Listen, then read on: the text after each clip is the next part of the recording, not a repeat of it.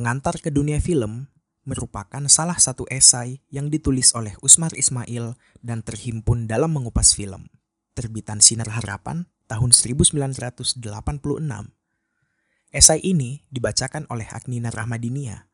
Kamu bisa mendengarkannya sambil berbaring, berkendara, bahkan makan sekalipun. Selamat mendengarkan.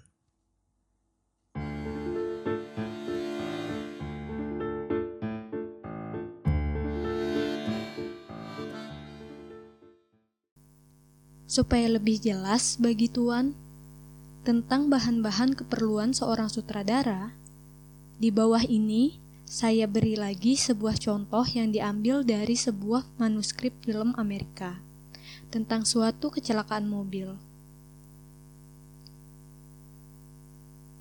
1.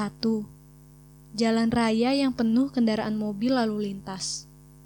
Seorang yang jalan kaki menyeberang jalan dengan punggungnya menghadap kamera. Tiba-tiba sebuah mobil melintas dan menutup orang itu. Dua, pendek sekali.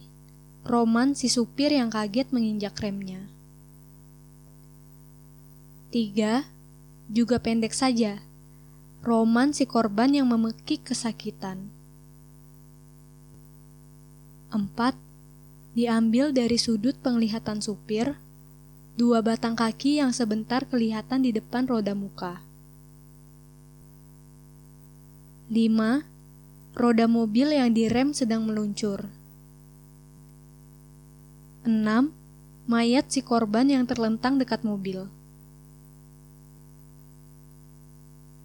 Potongan-potongan yang diambil satu persatu itu Itulah modal kerja si sutradara. Dengan menyusun potongan-potongan itu dalam satu irame yang pendek tegas, tercapailah kesan kecelakaan mobil pada penonton. Seperti yang dikehendaki pengatur cerita. Nyatalah bahwa bahan-bahan untuk menyusun ciptaannya tidak terdiri dari manusia-manusia yang hidup. Tidak dari pemandangan-pemandangan yang sebenarnya tetapi hanya terdiri dari potongan-potongan bayangan yang jika disambung-sambung menjadikan suatu anasir kenyataan. Kebalikannya, pengatur lakon sandiwara mempergunakan kenyataan-kenyataan yang sebenarnya yang sewaktu-waktu dapat diubahnya. Meskipun dalam batas-batas ruang dan waktu yang nyata. Maka, jika kita teliti pekerjaan seorang sutradara film, maka patokan-patokannya sebagai berikut. 1. Menyelesaikan manuskrip menjadi suatu rencana kerja yang lengkap dengan bangunan montasenya. 2. Memilih pemain-pemain. 3. Bersama-sama dengan ahli dekor beserta kameramen dan ahli pengambil suara merancang dekor yang diperlukan mencari tempat-tempat yang baik untuk opname luar atau locations. 4. Bersama-sama dengan kameramen, merancang sudut-sudut penglihatan kamera serta kemungkinan-kemungkinannya. 5.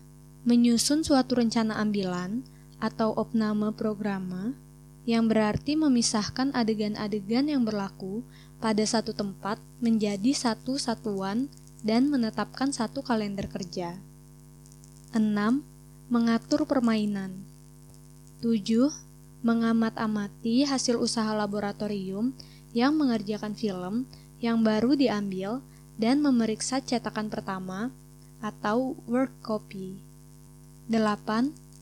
Montase. Sutradara adalah orang satu-satunya yang menjadi pusat pengatur pembangunan film dari mula sampai akhir dan karena itu tentu saja dalam hal-hal yang disebut di atas dialah yang mempunyai kata terakhir. Meskipun demikian, film adalah kesenian bersama yang membutuhkan ahli-ahli bagi tiap cabang pekerjaannya.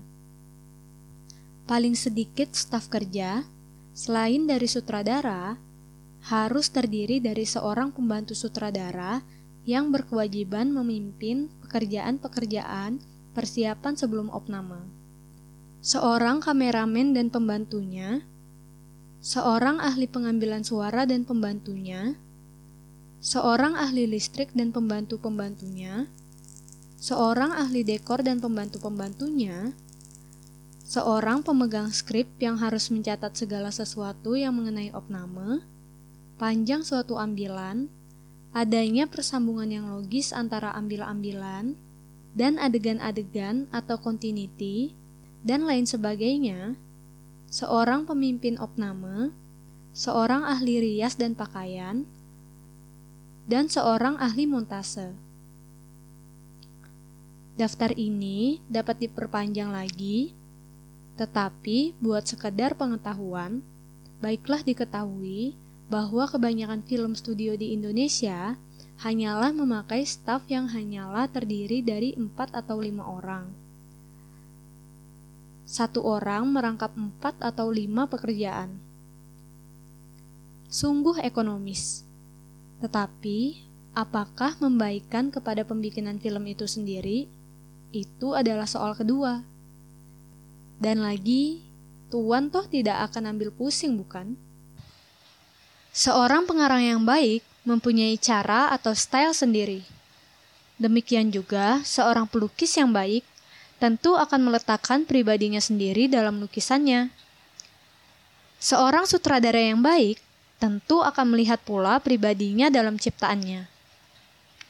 Dalam pemilihan cerita, penyusunan kitab kerja, penetapan sudut penglihatan kamera dan montase, pengaturan permainan, tetapi terutama akan kentara dalam lukisan suasananya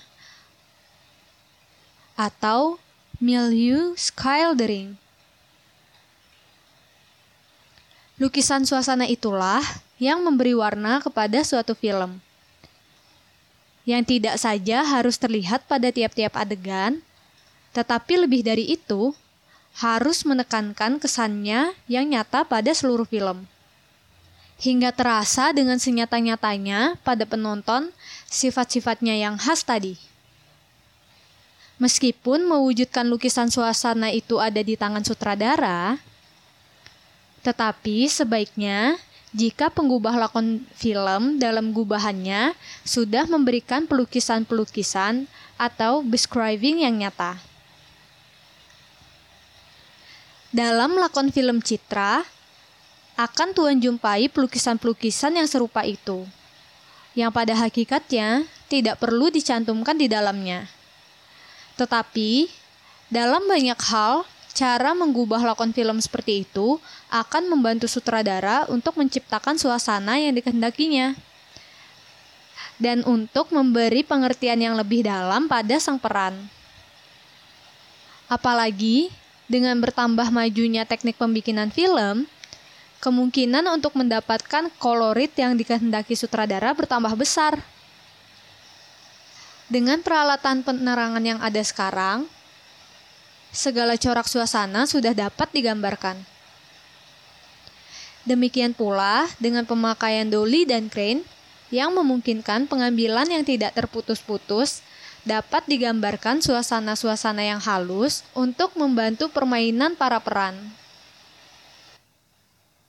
Juga sebagai semua sasaran objek opname, Seorang pemain atau peran pada hakikatnya hanyalah salah satu bahan mentah yang diperlukan untuk membangunkan film setingkat demi setingkat.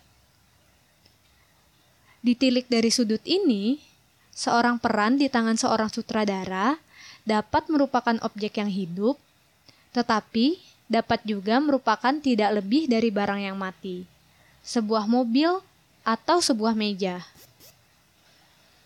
Dalam hubungan ini, orang memisahkan dua macam film.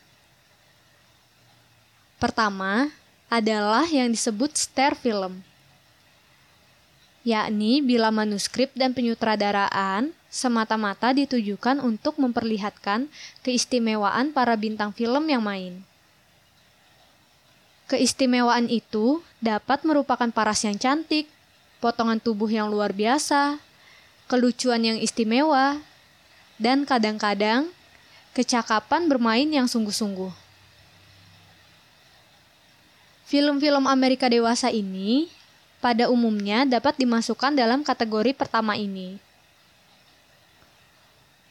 Macam yang kedua ialah film yang mengambil suatu cita-cita sebagai pangkal pikiran. Lakon film macam ini tidak ditulis untuk pemain-pemain tertentu, tetapi untuk mewujudkannya, mesti dicari pemain-pemain yang tepat untuk melukiskan peranan-peranan yang diperlukan. Film-film Rusia sesudah revolusi adalah contoh-contoh yang tegas buat film-film seperti ini. Para sutradara Rusia waktu itu mencari pemain-pemainnya di jalan-jalan dan di pasar-pasar. Tetapi dengan bertambah luasnya masyarakat pemain-pemain film, maka dalam beberapa keadaan, kedua macam film tersebut tidak mudah lagi untuk membedakannya. Karena untuk mencari tipe yang diperlukan untuk salah satu peran tidak begitu sukar lagi. Dan biasanya sekarang para pembikin film berusaha untuk mencocokkan peranan-peranan dalam cerita-cerita yang terkenal kepada pemain-pemain yang terkenal pula. Bagi kita misalnya, sukar untuk mengatakan bahwa Hamlet itu ditulis istimewa untuk Laurence Olivier. Sedang peranan itu rupanya cocok benar bagi diri aktor besar itu. Meskipun demikian, misalnya, bagi kita di Indonesia ini, perihal mencocokkan suatu peranan kepada seorang pemain atau memilih seorang pemain untuk suatu peranan masih tetap merupakan masalah besar. Karena jumlah pemain terbatas sekali. Di atas panggung sandiwara, masih dapat suatu peranan yang diperlukan dibantu dengan alat-alat bikinan. Seperti rias atau smink, dan lain-lain seorang muda yang dibikin tua misalnya. Di atas panggung dapat diterima sebagai orang tua. Karena cahaya lampu rata menerangi mukanya dan jarak antara dia dan penonton tetap jauh. Sedang dalam film, kamera bisa mendekati mukanya sedekat-dekatnya dan di depan lampu-lampu yang beribu-ribu watt itu dia tidak akan dapat menyembunyikan hakikat pribadinya, meskipun bagaimana baiknya dia dirias. Di samping itu, sebuah peranan film tidak dapat dimainkan begitu saja. Dengan tidak mempunyai dari diri sendiri peralatan-peralatan atau middleland yang diperlukan untuk dapat mempengaruhi dan meyakinkan penonton. Dalam film, malahan tambah baik lagi. Jika si peran main secara tidak dipaksa-paksa atau naturlik. Dan salahlah si sutradara yang mencoba memaksa-maksa seorang peran untuk menggambarkan sifat-sifat yang tidak dipunyainya sama sekali oleh si peran.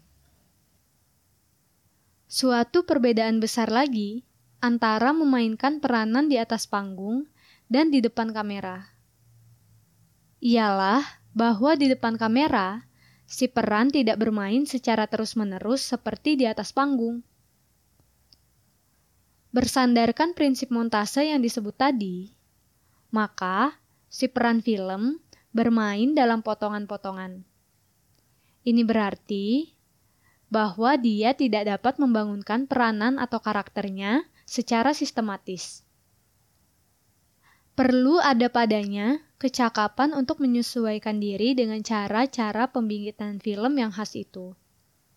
Supaya dia sendiri juga dapat membayangkan bagaimana rupa film itu kelak jika sudah disambung-sambung.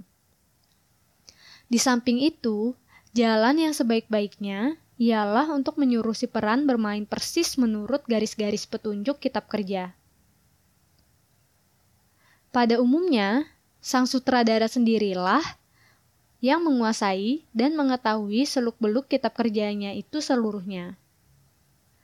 Hingga dia dapat memberi petunjuk yang jelas pada si pemain waktu sebuah adegan diambil. Meskipun demikian, tetap diminta dari seorang peran untuk mengerahkan seluruh perhatiannya. Hingga tiap-tiap ambilan itu merupakan peranan yang diilhami. Untuk ini, perlu si pemain mengetahui dan meyakini juga cara-cara pembikinan film seperti si pengatur cerita. Sebagai peringatan, baik juga dicatat bahwa amat berlebih-lebihanlah kalau orang menyatakan bahwa si sutradara harus menguasai permainan si peran sampai soal yang sekecil-kecilnya seperti gerak-gerik tangan, alis mata, dan lain-lain. Karena cara seperti itu akan mengakibatkan mekanisasi. Tetapi, lagak laku si peran yang tidak diawasi oleh si pengatur cerita akan membawa akibat yang tidak kurang celakanya. Karena seorang pemain yang diberi hati akan lekas keluar dari batasan-batasan keseluruhan film yang dicita-citakan. Hal ini baik juga diperhatikan sekali-kali oleh mereka yang membuat film di Indonesia ini. Dengan singkat telah saya ceritakan apa yang saya tahu tentang seluk-beluk pembikinan film. Pengetahuan ini bagi saya sendiri menambah kesadaran tentang nilai-nilai film. Tetapi, yang terutama sebagai penonton bioskop yang setia, pengetahuan ini memungkinkan kepada saya untuk menikmati apa yang saya tonton. Jika perasaan-perasaan ini timbul juga pada Tuan sesudah membaca risalah sederhana ini, maka tercapailah maksud saya menuliskan semua itu. Karena Selama masyarakat penonton belum dapat membedakan yang baik dari yang jelek dalam segala apa yang ditontonnya, namun masa depan kesenian film di Indonesia ini mulai memiliki kesanggupan untuk mengkritik apa yang disuguhkan kepadanya. Maka berartilah itu bahwa masa pembikinan film secara sembrono di tanah air kita ini yang sama juga artinya dengan membodoh-bodohi rakyat Indonesia, sudah sampai pada akhirnya. Dan dapatlah kita melihat ke depan kepada masa yang gilang gemilang dan pasti tiba waktunya bagi Indonesia untuk mempunyai kesenian film yang berpribadi, berdiri sejajar dengan usaha-usaha di luar negeri. Mudah-mudahan